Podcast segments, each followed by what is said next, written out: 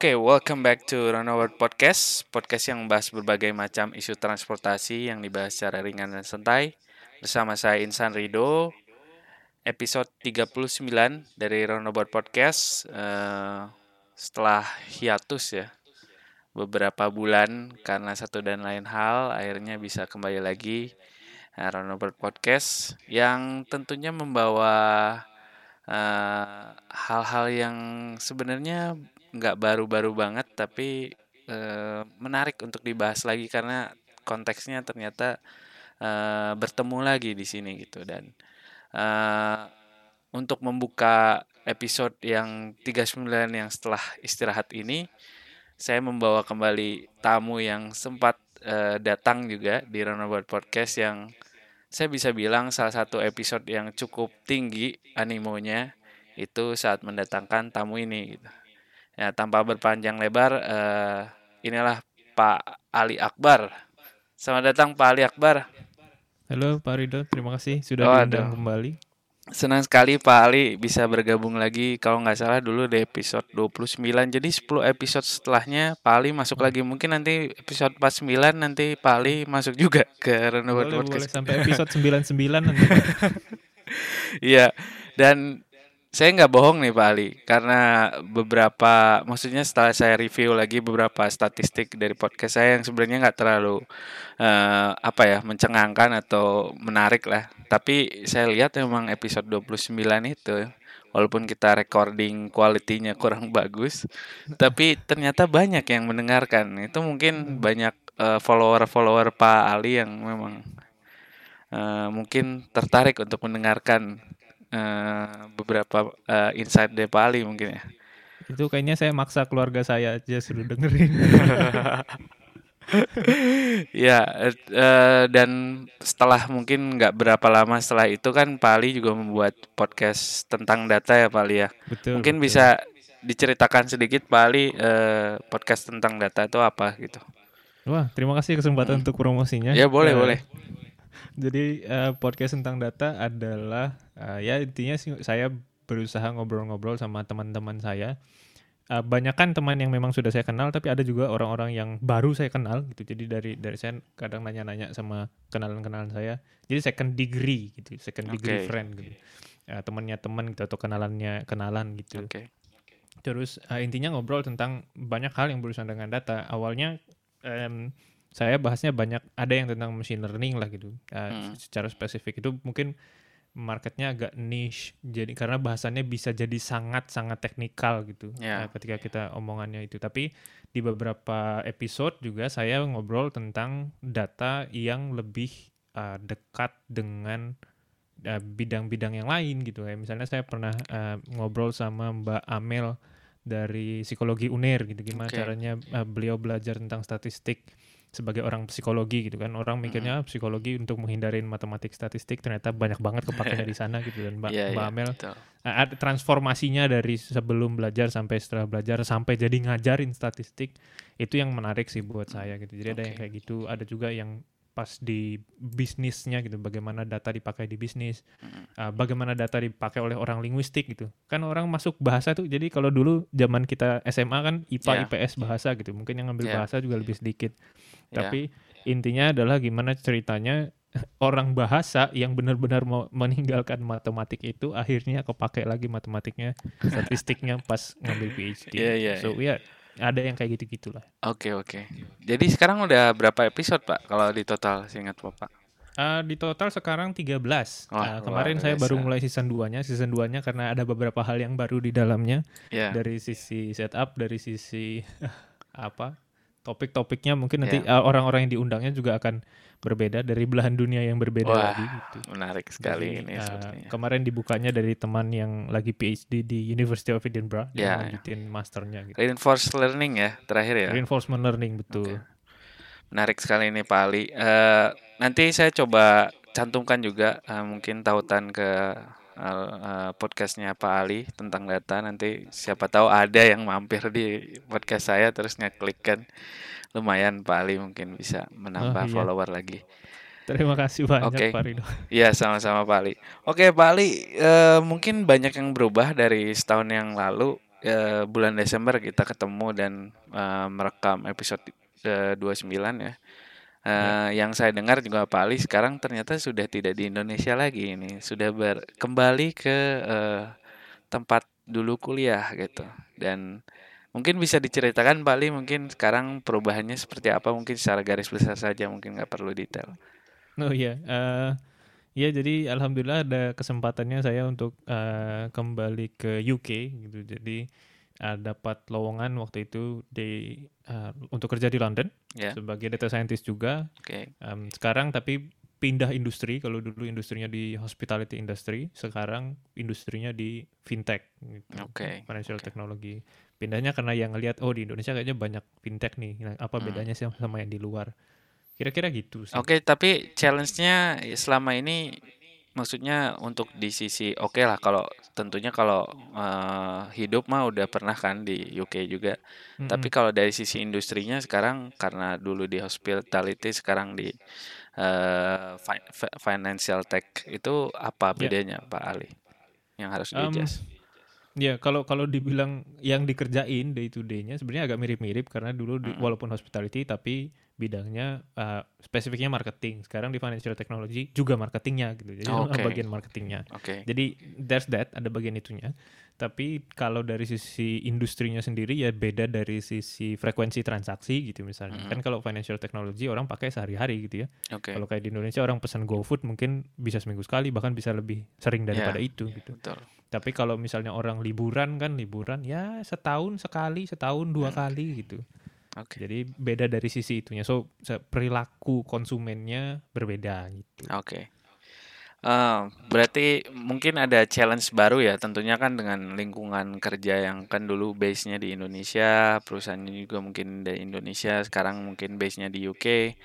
Eh, ada dinamika yang berbeda yang mungkin sedikit terasa berbeda yang signifikan gitu Pak Ali soal kerjaan. Berbedanya ya berbedanya karena satu tantangannya ini di masa pandemi. Jadi kerjanya Oke. juga harus eh, agak remote working. Jadi walaupun saya di UK tapi tetap WFH juga gitu, work from Oke. home juga. Ya, Eh, ada tantangan itunya. Jadi kadang-kadang kalau mau kalau bingung, nih harusnya nanya sama siapa ya gitu. Kadang bingung itu juga. oke. Terus, Dulu mungkin eh, lebih fleksibel kayak enak ngobrol langsung gitu ya. Mm, Sekarang mm, tinggal mungkin- colek sebelah gitu kan nanya Iya, ini apaan betul, gitu. betul. Nah, kan kalau sekarang susah gitu Oke, oke.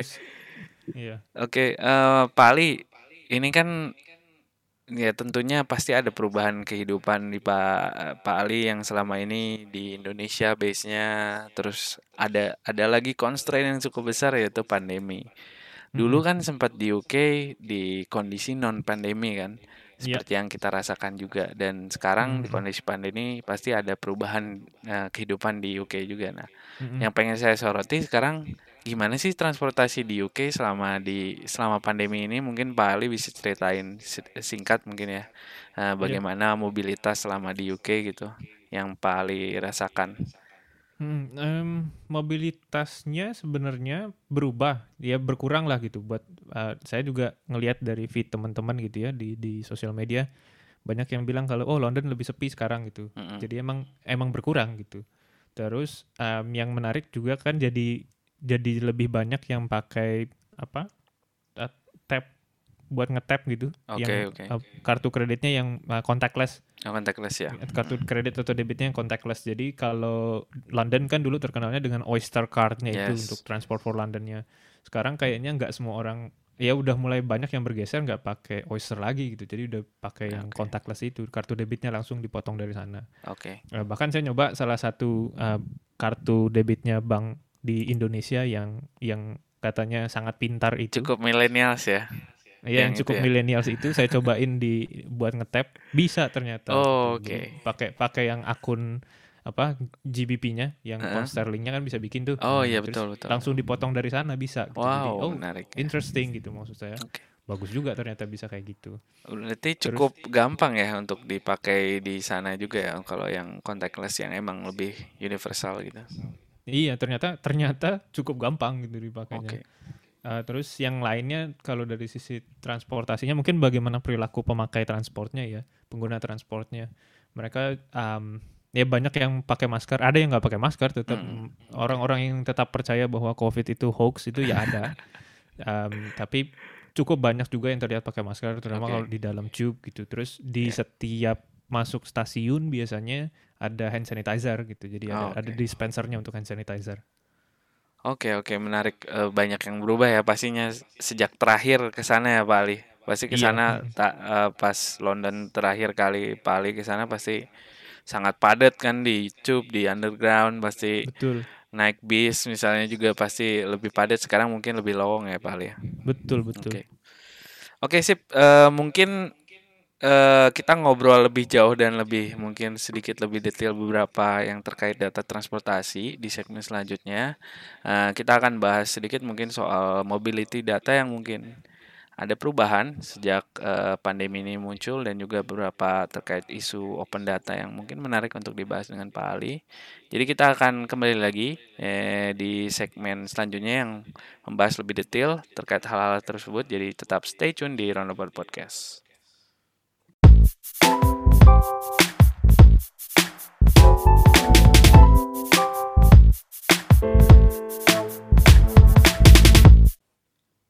Ya, kembali lagi di Roundabout Podcast masih bersama Pak Ali Akbar. Eh, Pak Ali, tadi kita sempat ngebahas terkait kondisi pandemi yang mengubah banyak mobilitas orang dan tentunya tadi salah satu eh, contohnya adalah dari eh, kebiasaan orang yang mungkin berbeda sekarang pakai masker dan mungkin ada hand sanitizer di beberapa station di sana.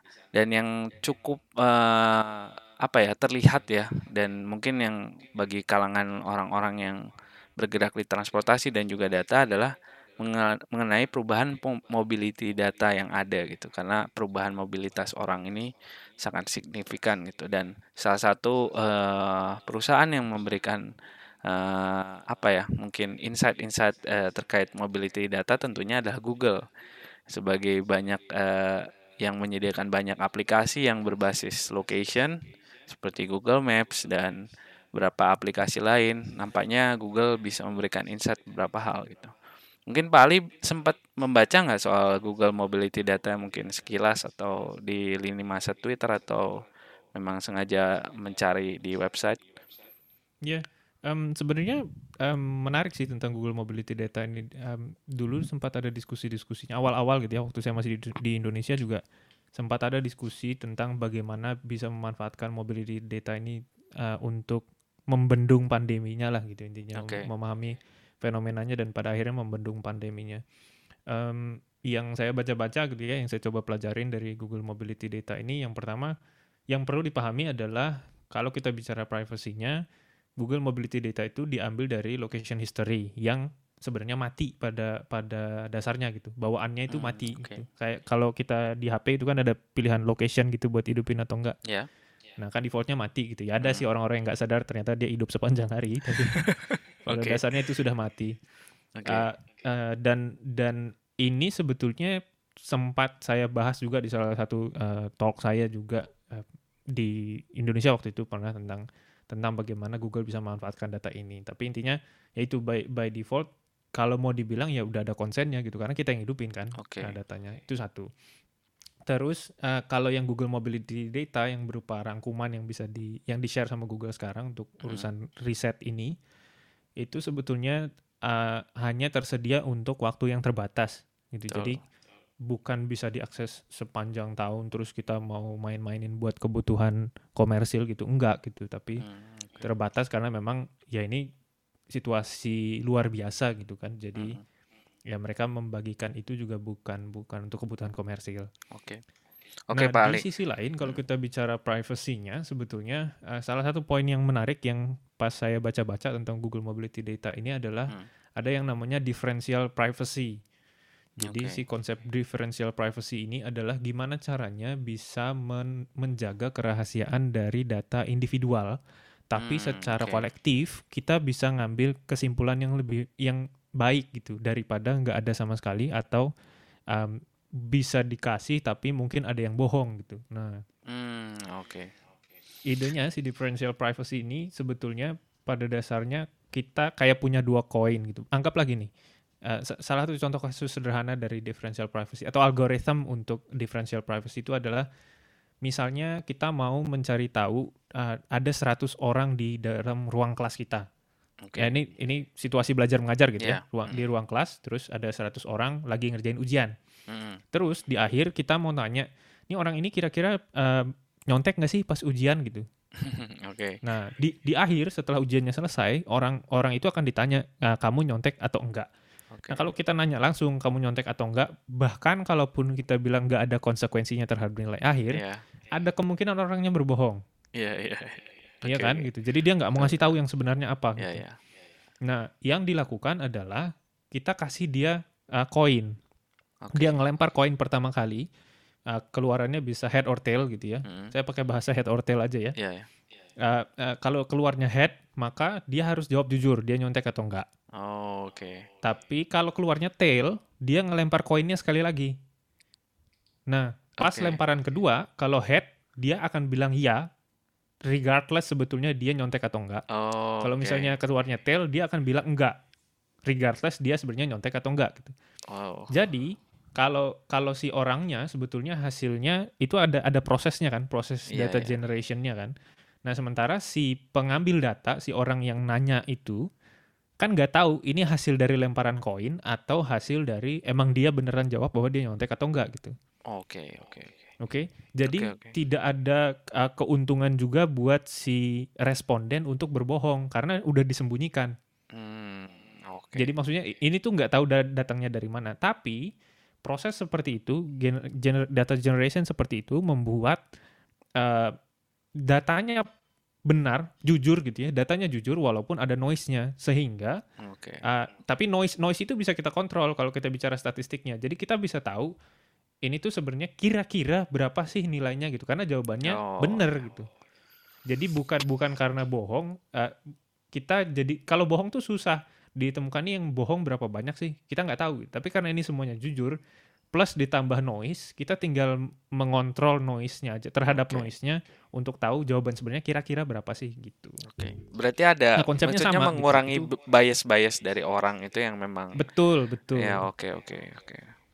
Ini berkaitan sama kebiasaan orang juga dan behavior orang yang mungkin eh, mungkin dalam merespon suatu hal terutama kalau mobility data di tengah pandemi ini kan sangat sangat apa ya mungkin privasinya mungkin lebih dijaga gitu ya karena kan orang Betul. kadang-kadang nggak mau ngaku gitu misalnya eh, kamu dari kafe ya mungkin dia takut karena dijudge orang ngapain ke kafe di saat pandemi ini Mm-mm. gitu dan sekarang mungkin karena dengan metode yang tadi diferensial tadi yang dijelaskan Pak Ali mungkin itu mengurangi orang yang untuk bisa eh, berbohong atau tidak mengungkapkan sesuai apa adanya gitu ya.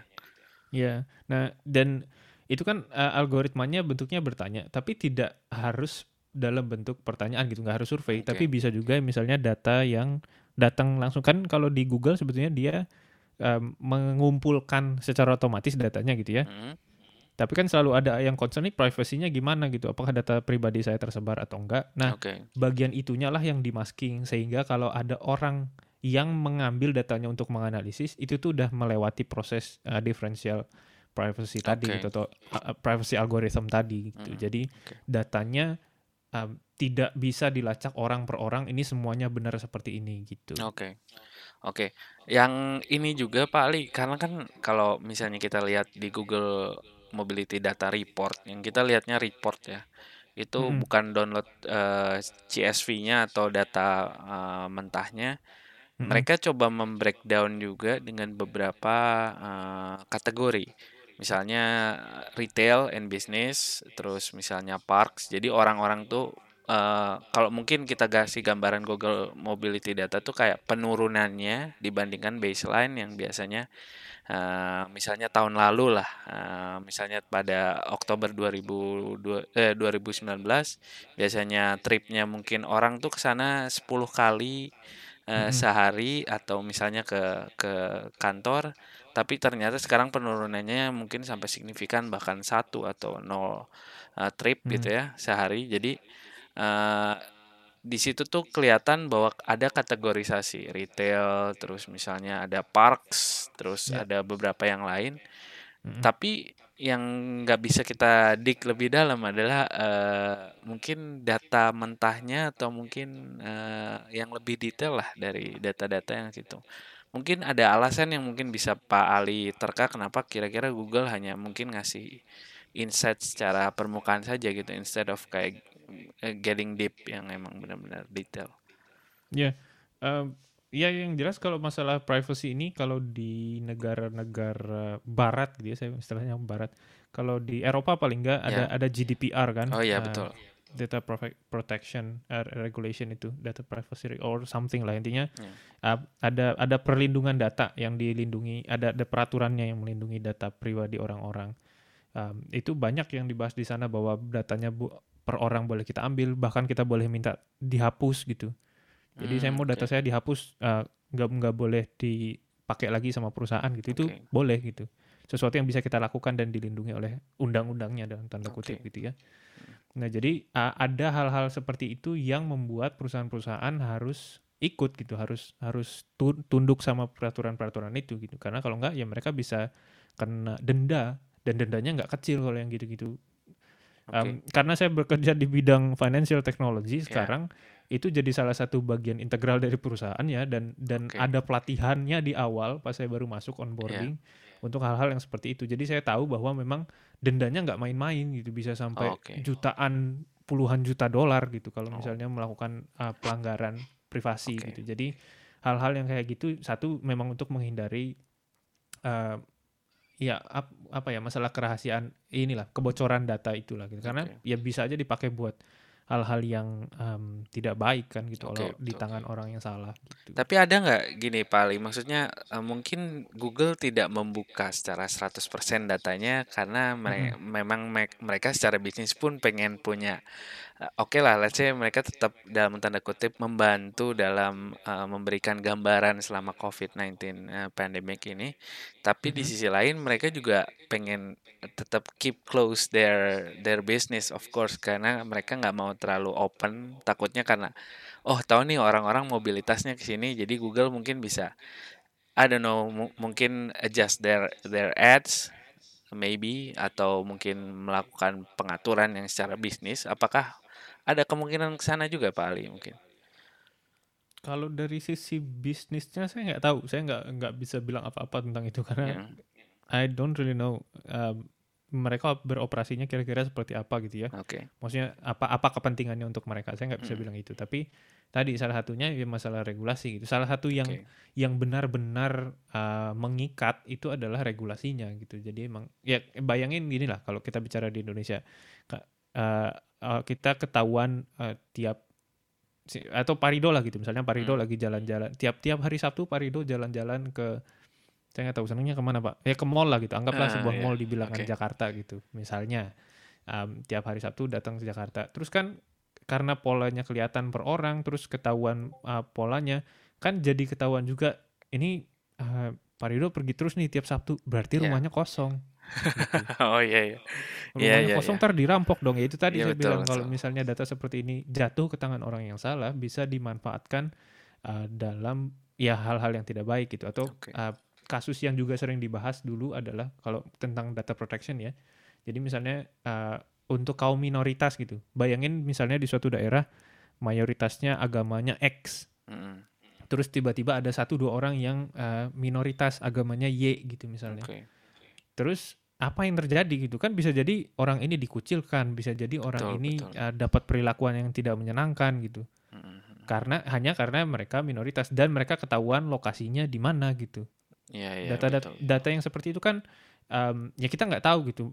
Ya kalau kita asumsinya bahwa semua orang baik ya mungkin itu tidak akan terjadi. Tapi ya, kan ya nggak bisa gitu juga gitu. Kita tidak bisa senaif itu. Jadi itu kenapa datanya nggak bisa dibuat segranular itu. Oke, oke Pak Ali. Uh, mungkin kalau mungkin pernah dengar juga yang tadi sebenarnya saya pengen nyambung juga karena saya pernah lihat yang uh, eh, NHS atau BPJS-nya UK punya COVID tracker juga yang memang memperbolehkan menghapus datanya kalau nggak salah ya di hmm. akhir. Jadi mereka juga sempat bisa nge-track. Jadi misalnya kita masuk ke lokasi tertentu, terus hmm. kayak di situ banyak orang yang sudah ter apa ya terpapar Betul. sehingga ngasih alert ke kita bahwa wah hati-hati nih gitu. Dan saya lihat juga Google uh, uh, rada meng mengarah ke sana juga dengan fitur-fitur bahwa misalnya kita mau ke suatu kafe nih di tengah pandemi ini, terus dia ngasih alert bahwa misalnya di sana tuh lagi rame. Walaupun Iya. sebelumnya juga ada kalau mm, Pak Ali buka Google Maps ada lagi less busy atau lagi Betul. Busier than uh, usual gitu. Usual ya. Nah, nah ini kayaknya seperti ini tuh eh, apakah bakal berdampak pada behavior orang atau enggak sih gitu? Yang saya lihat apakah memang orang tuh bakal berubah nggak dengan informasi yang kayak ada alert kalau di daerah itu lagi banyak yang terpapar atau ya orang tetap melakukan suka hati aja gitu. Hmm, eh, kalau dibilang berubah, ya sebenarnya kembali lagi ke orang-orangnya gitu. Jadi Hmm. saya nggak tahu statistiknya kira-kira seperti apa. Maksudnya apakah ini berubah atau enggak? Dan banyak orang yang mencoba meneliti itu gitu sebetulnya. Jadi Hmm. apakah dengan membuat ya, informasi seperti itu orang berubah pikiran atau enggak gitu. Tapi ya tadi seperti saya bilang, ada orang-orang yang datang ke uh, public transport di sini pakai masker, ada juga yang masih menganggap COVID-19 itu hoax gitu. Jadi Iya, iya, oke. itu dampaknya kan beda-beda Iya, tergantung betul, orangnya. betul, Nah, betul. Ket- ketika kita bicara populasinya, saya nggak saya nggak tahu statistiknya uh, persentasenya sebenarnya seperti apa Ya, oke, oke. gitu. Oke. Eh, berarti itu tergantung balik lagi ke orang-orangnya walaupun kita eh, ngasih nudge informasi seperti tadi kadang-kadang orang pun tetap bermobilitas tanpa peduli lah dengan informasi yang eh, diberikan pun ada orang yang seperti itu ya. Iya. Dan eh, selama ini tuh yang saya lihat memang data mobilitas itu eh, memang core-nya sekarang di Google dan banyak ah, banyak media juga yang memang merefernya ke Google. Mm-mm. Cuma ada beberapa negara yang saya lihat termasuk UK ya. Itu salah satu orang eh, negara yang memang memberikan informasi-informasi terkait eh, mobilitas selama di di ini juga di di pandemi ini juga gitu dan eh, bagaimana ngelihat maksudnya eh, neg- peran negara juga Pak Ali dalam memberikan data mobilitas yang mungkin eh, menjadi salah satu kunci juga dalam riset? Mungkin orang kan eh, mungkin melakukan riset di pandemi ini dengan constraint itu. Eh, apakah memang negara itu harus masuk karena mereka juga perlu eh, mengkonsolidasi polisi kebijakan terkait eh, COVID ini dengan data atau Hmm. memang ya udah bagai itu bagian private sector saja seperti Google dan lain-lain gitu. Em, eh, kalau ini saya saya nggak nggak begitu yakin kalau misalnya em, kalau misalnya negara harus atau tidak gitu ya. Yang Hmm. jelas kalau faktanya bilang bahwa di Singapura eh, itu benar-benar dikontrol dengan baik masalah mobilitinya. Saya saya dengar dari eh, kabar dari teman yang dia mau pindah ke Singapura gitu ya. Dia baru selesai dari UK terus dia pulang ke Indonesia, selesai postdoc gitu. Mm. Eh sorry, di- selesai PhD dia mau post postdoc di Singapura. Dia bilang katanya nanti kalau mau masuk Singapura harus sudah punya nomor Singapura, harus ada WhatsApp tiap beberapa hari sekali pas Oh, pas oke. masa karantinanya ya, self isolationnya itu. Terus self isolationnya eh, tempat tinggalnya harus di hotel yang ditunjuk oleh negara gitu. Jadi Oke. benar-benar diatur sekali, strict sekali gitu Hmm, um, peraturannya untuk untuk urusan mobilitasnya gitu. Oke. Uh, apakah itu berdampak? Ya yang kita bisa bilang Singapura cukup berhasil mengontrol kasusnya kan. Ya betul betul. Sementara kalau kita bicara UK kasusnya negara nggak nggak se-strict itu strict gitu. itu ya. Oke. Iya, jadi ya dikasih warning gitu. Ada ada daerah-daerah yang memang medium risk, ada yang high risk, ada yang very high risk. Tapi um, ya anggaplah inilah kalau misalnya kasusnya di London, ya orang-orang tetap aja bisa keluar, tetap aja masih bisa Iya. uh, makan di indoor gitu. Walaupun sebenarnya dibilang kalau medium harusnya menghindari yang indoor lebih dari enam orang gitu. Tapi ya Oke. tetap aja uh, cukup rame gitu. Mungkin karena pandemi juga sudah berlangsung cukup lama, orang-orang udah males gitu kan. Tapi lihat dampaknya kemudian gitu yang terjadi adalah UK sudah menembus 23.000 kasus Betul, per hari. betul, gitu. betul. Tapi Jadi- tentunya dengan konteks bahwa testing mereka pun eh, semakin maksudnya cukup besar kan kapasitas Iya. testing mereka. Kalau Betul, dibandingkan di betul. Indonesia tentunya. Saya tidak mengomentari tentang Indonesia untuk sekarang. Berbahaya sekali itu. Kalau. Indonesia atau maksudnya negara-negara lain saya pikir maksudnya eh sekarang tuh memang orang-orang sepertinya sudah maksudnya ini di luar konteks transportasi secara umum maksudnya sudah di fase di mana orang-orang mungkin terlalu lelah dan mungkin ngerasa kayak ya udahlah gitu. Ini adalah sebuah keseharian kita ya hadapi saja tapi tidak dengan kewaspadaan yang kita temui saat awal-awal pandemi. Mungkin yang itu yang eh, yang dilihat juga oleh Pak Ali atau seperti apa itu? Iya, eh, jadi kalau mau dibilang eh, tadi kalau kembali ke pertanyaan yang pertamanya adalah terus negara perlu nggak eh, berurusan dengan seperti ini? Kalau kita lihat faktanya bahwa Singapura bisa mengontrol, kalau kita melihat faktanya bahwa New Zealand bisa mengontrol gitu ya Betul. dengan dengan eh, test trace dan isolation yang eh, ketat gitu ya, relatif ketat dibanding negara lain. Ya, itu harusnya jadi contoh kasus yang baik gitu. Oke. Cuman kan kalau kita bicara levelnya negara susah sekali untuk mengontrol 270 juta penduduk Betul, betul. Indonesia gitu untuk Betul, urusan mobilitasnya gitu. Gimana Ya. caranya gitu. Jadi Ya. itu yang perlu dipahami gitu. Walaupun apakah ya terus dibiarin aja gitu. Ya enggak juga gitu. Usahanya harus tetap ada. Tapi hasilnya gimana yaitu uh, sesuatu yang perlu kita lihat lagi kita evaluasi kembali. Itu sih kalau menurut Oke. saya. Oke, sepertinya menarik juga soal tadi em, mobilitas orang selama di pandemi dan mungkin ada terkait kebijakan juga yang mungkin yang tadi saya coba bahas terkait mungkin ada data-data terkait transportasi yang mungkin bisa menjadi kunci penting dalam pengambilan kebijakan. Misalnya tadi eh, eh, test and trace orang kan tentunya berpindah-pindah kita bisa lihat dari datanya yang dia eh, keluarkan eh, dan harusnya itu bisa menjadi acuan juga bagi negara atau mungkin pengambil kebijakan ya secara umum Mhm. bagaimana harus bertindak gitu terutama eh, di situasi pandemi ini. Oke, mungkin eh, kita akan beralih ke topik selanjutnya di segmen berikutnya. Eh, mungkin ngebahas terkait data-data yang mungkin bisa diakses oleh orang selama pandemi. Ada kaitannya juga dengan mobility data tentunya yang tentunya akan lebih menarik untuk dibahas di segmen selanjutnya. Jadi tetap stay tune di Roundabout Podcast.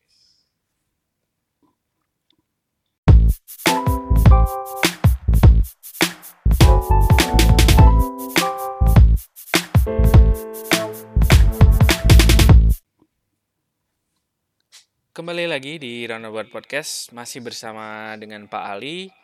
Eh, Pak Ali ini tadi sempat membahas terkait eh, data data yang bisa dibuka ya atau open data yang memang eh, selama ini sebenarnya dari Indonesia pun mm, punya banyak inisiasi ya. Eh, mungkin sebelum pandemi banyak website terkait eh, satu data yang bisa emang diakses secara eh, apa terbuka ya bagi orang-orang.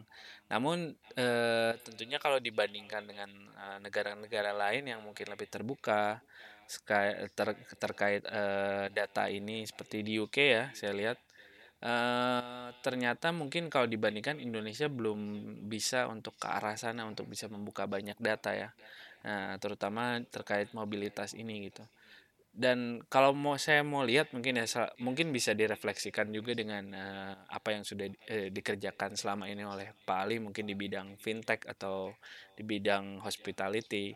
Selama ini data-data yang open yang mungkin bisa diakses mungkin yang diberikan oleh negara atau mungkin statistik eh, badan statistik yang ada di negara tersebut itu selama ini eh, dipakai nggak sih sama Pak Ali itu secara umum gitu. Em, kalau saya pribadi dipakai atau enggak em, belum. Kalau ke- langsung ke, untuk langsung ke kerjaannya ya belum. Tapi saya tahu ada orang-orang yang memang memakai data ini untuk pengambilan kebijakan gitu. Misalnya ada ada orang-orang eh, yang di- kerjanya di World Bank gitu misalnya. Oke. mereka sangat mengandalkan data dari statistik atau yang dari pemerintah atau data yang terbuka seperti itu untuk melihat eh, kebijakan apa yang seharusnya diambil gitu Oke. atau apakah kita sudah be- bekerja dengan baik atau belum apa yang perlu ditingkatkan hal-hal seperti itulah gitu Eh, di ah, kalau saya pernah juga bahas ini di podcast saya di tentang data eh, Mhm. salah satu narasumbernya eh, Mbak Mona Mona Rizka itu bahas tentang smart city gimana ceritanya Oke. eh, memanfaatkan datanya untuk untuk mengambil keputusan untuk kota New York waktu itu angkut sampah di kota New York gitu Hmm. Eh, jadi ada ada hal yang seperti itu. Jadi me- mereka memang pakai kalau seperti itu gitu. Jadi jadi ad- ad- memang ada dampaknya dari data yang terbuka itu ke pengambilan kebijakan levelnya seperti itu. Nah, uh, kalau misalnya dari kerjaan saya sebenarnya um, mungkin ada beberapa tapi tidak terlalu banyak. Kayak misalnya um, mengestimasi apa jumlah wisatawan kalau misalnya dulu di Oke. hospitality industry gitu ya wisatawannya berapa sih uh, domestik uh, kemudian yang internasional berapa jadi yang kita harus target orang-orangnya yang uh, seperti apa gitu ada kan yang seperti itu Oke. ya. walaupun memang datanya terbatas juga gitu. Eh, di di yang yang lucu sebetulnya yang menarik justru sebaliknya kalau saya lihat gitu si open data ini gitu yang yang sebenarnya lebih butuh itu eh, pemerintah yang sebenarnya benar-benar bisa pakai Iya, itu kan pemerintah betul. gitu dan yang membuka itu justru yang dari publik gitu Iya. kayak misalnya di tempat saya kerja sekarang mereka ada beberapa kali mem, eh, diliput di artikel kayaknya mereka yang membagikan gitu ya datanya Mm. bahwa ternyata di misalnya nih di di UK setel ap- apa pembelian di pub atau di bar gitu ya itu tiba-tiba melonjak di sekitar jam 10-an. Kenapa? Karena emang eh, di curfew-nya sampai jam 10 gitu. Jam malamnya sampai jam 10 gitu. Oke. Jadi biasanya kalau dulu mungkin jam 1, jam 2 orang baru pulang. Oh Sekarang ya. kita melihat ada Sebelum peningkatan ya. banyak eh, di sisi eh di di jam-jam tertentu, jam 10 dalam Oke. kasus ini gitu. Jadi justru dari dari privat gitu, ya, private sector dari dari dari perusahaan-perusahaan swasta seperti itu, Oke. justru mereka yang mem- memunculkan itu untuk mendukung eh, dat apa fakta atau kebijakan ini pem, ya pemerintah ini bikin kebijakan seperti ini sebenarnya berdampak nggak sih ke masyarakat Hmm, gitu nah Oke. dari private sector ini justru yang Oke. ngasih ngasih ceritanya gitu Oke oke. Eh, berarti private sector juga sebenarnya play a big role juga ya mungkin untuk memberikan eh, supply-supply data gitu dan eh, mungkin mereka bisa memberikan insight walaupun nggak secara langsung tapi eh, mungkin eh, nggak ngasih datanya langsung tapi mungkin beberapa insight bisa mereka kasih gitu ya.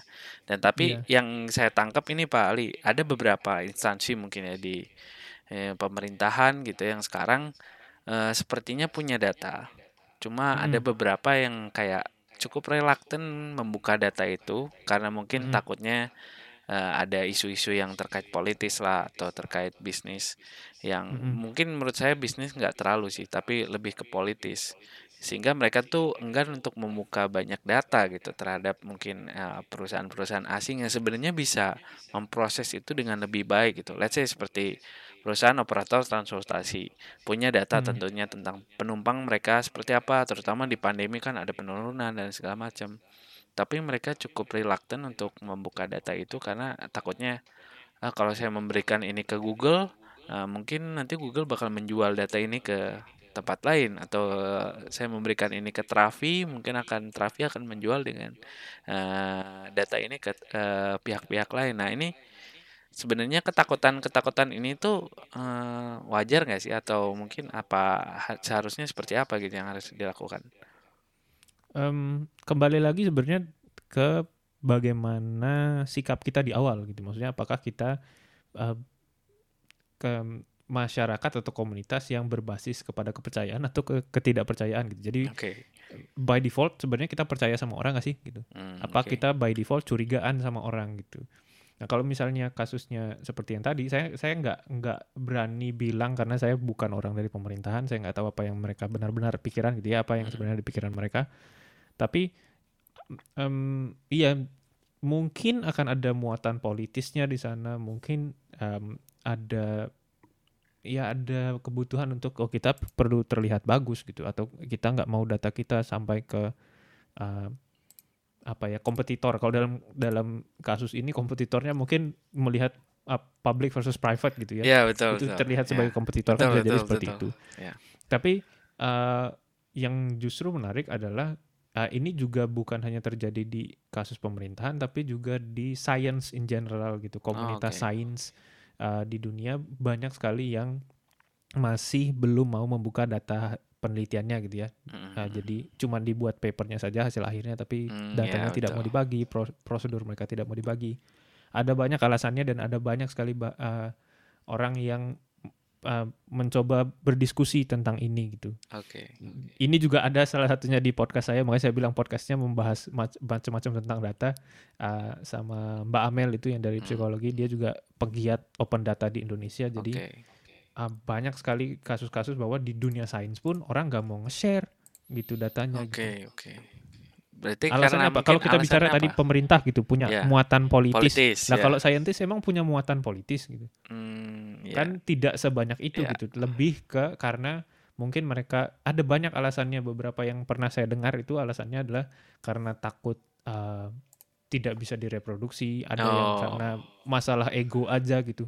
Oh, Uh, iya, kamu iya. siapa anak kemarin sore gitu. Saya udah bertahun-tahun di sini, ngapain saya harus bagi data sama kamu? Iya, gitu. iya, iya. Atau iya. ada sebenarnya lebih karena ke uh, masalah organisasi gitu. Organisasinya dalam artian saya punya datanya tapi tersebar di mana-mana gitu. Maksudnya Oh, ada iya. di folder ini, ada di komputer ini, repot nih kalau saya harus Oh. ngumpulin gitu. Jadi jadi Bukan maksudnya benar-benar jujur organisasi bukan perusahaan karena- gitu maksudnya. Iya.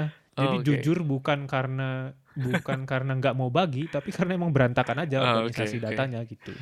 Menarik, menarik. Eh, berarti lagi-lagi kembali ke ini ya, mungkin ke perusahaannya masing-masing atau personalnya orang-orang itu apakah memang pengen membuka itu. Walaupun yang saya lihat kadang-kadang orang yang tidak membuka itu pun seperti yang tadi Pak Ali bilang, kapasitas untuk memproses datanya secara lebih eh, apa ya, lebih eh, tepat sasaran atau lebih lebih lebih tepat guna lagi itu memang kurang gitu ya. Misalnya kan mungkin let's say tadi yang seperti saya contohkan mungkin operator transportasi. Mereka Mm-mm. punya data nih raw data. Tapi untuk memprosesnya lebih jauh mungkin sampai insight-insight mungkin apa yang harus dilakukan agar transportasi publik mungkin beroperasi secara lebih baik mereka nggak punya kapasitas itu gitu. Instead of kayak eh, ya, apa ya keeping the data inside mungkin mereka sebenarnya bisa share misalnya ke Google untuk misal coba kita bikin stasiun baru di satu tempat untuk memecah uh, kepadatan yang ada gitu. Dan saya pikir uh, sebagian besar dari mungkin transportasi, oh operator transportasi uh, belum punya uh, apa ya acumen ke sana gitu, punya orang yang punya insight ke sana secara lebih detail atau secara lebih komprehensif gitu dan Mm-mm. Ya, selama ini yang saya lihat seperti itu dan eh, itu yang menjadi challenge juga sih gitu. Gap di situ yang ngebuat eh, kadang-kadang jadi bersaing itu antara datanya si Google let's say kan mereka juga punya datanya sendiri dibandingkan dengan data internal yang operator transportasi publik Eh, dan tentunya ini bisa bisa jadi nggak sinkron juga mungkin saja gitu. Again, nah itu challenge-nya sih gitu.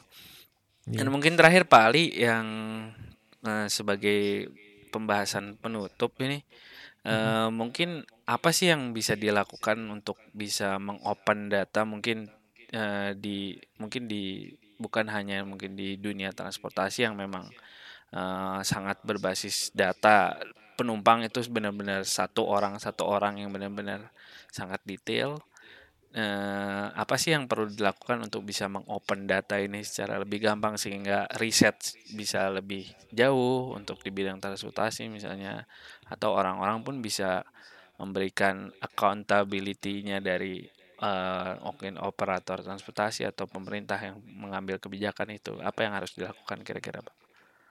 Oke, em, kayaknya kita pernah bahas ini di di episode yang 29 itu. Betul Dan betul. saya akan mengulanginya lagi karena nah, ini ini memang poin yang sangat penting. Jadi Iya. kalau kita berkaca ke bagaimana Transporter London berkembang gitu, Iya. yang saya lihat adalah mereka sudah punya mindsetnya sejak awal bahwa ini adalah fasilitas yang akan disediakan untuk publik dan saya mau mengambil keputusan yang lebih baik untuk uh, memberikan layanan yang lebih baik kepada masyarakat gitu. Betul. Jadi sebelum digitalisasi ada, sebelum kita bicara organisasi filenya yang lebih bagus gitu, yang harus dipunya adalah pola pikir yang tepat gitu, bahwa semua itu untuk kebaikan bersama gitu.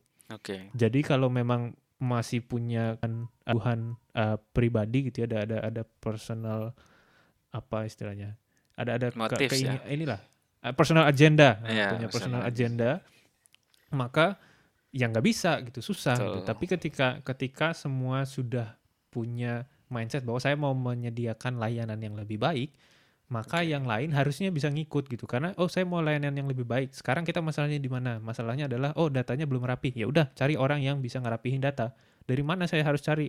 Mungkin kita lihat dari orang-orang yang memang sudah handle datanya banyak. Dari mana? Misalnya perbankan bisa atau dari startup-startup yang memang datanya banyak sekali. Ya. Tarik aja gitu misalnya orang yang di unicorns unicorns di Indonesia itu gitu. Bayar mereka untuk merapikan datanya di di ke apa publik ini data-data publik ini gitu. Hmm.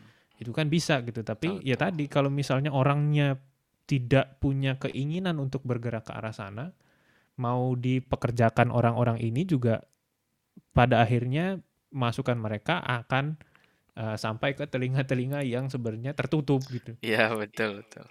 Berarti memang harus mengerti bahwa ini semua untuk greater goods, bukan untuk kayak personal motif. Terutama kalau transportasi publik, tentunya ini ada akan kembali lagi ke eh, publik secara umum ya manfaatnya itu yang mungkin perlu ditingkatkan lagi mungkin ya dari mungkin eh, operator transportasi publik atau pengambil kebijakan di di di suatu negara gitu ya.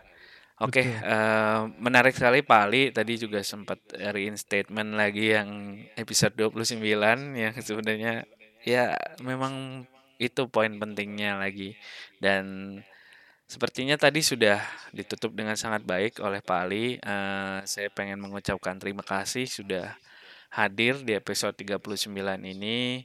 Sama-sama. saya merasa belajar banyak lagi tadi soal uh, mobility data, privacy issues juga yang memang sangat uh, menjadi concern juga terutama di data mobilitas dan saya harap juga Pak Ali bisa uh, maksudnya bisa mengambil manfaat beberapa hal mungkin ya. Iya betul betul. Iya, Senang iya. sih bisa bisa ngobrol-ngobrol seperti ini lagi gitu. Iya, Jadi ya. terima kasih ya Pak Ali dapat dan eh, maksudnya jangan jangan takut juga atau jangan kapok untuk bisa datang lagi karena mungkin saya ganggu lagi beberapa waktu ke depan nanti.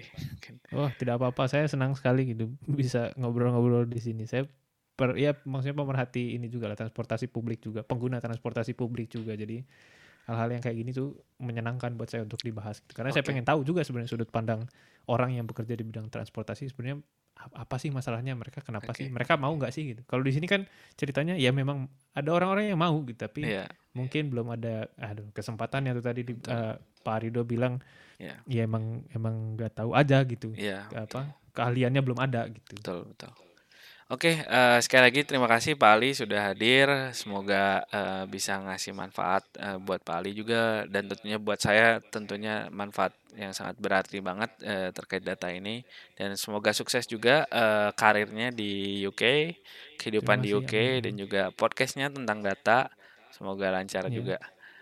siap terima kasih Pak sama-sama Pak Baik, Pak Ali, eh, sampai jumpa di episode-episode berikutnya. Nanti mungkin di di beberapa episode, mungkin 49 atau sampai 99 nanti sesuai Boleh, rekomendasi Pak Ali.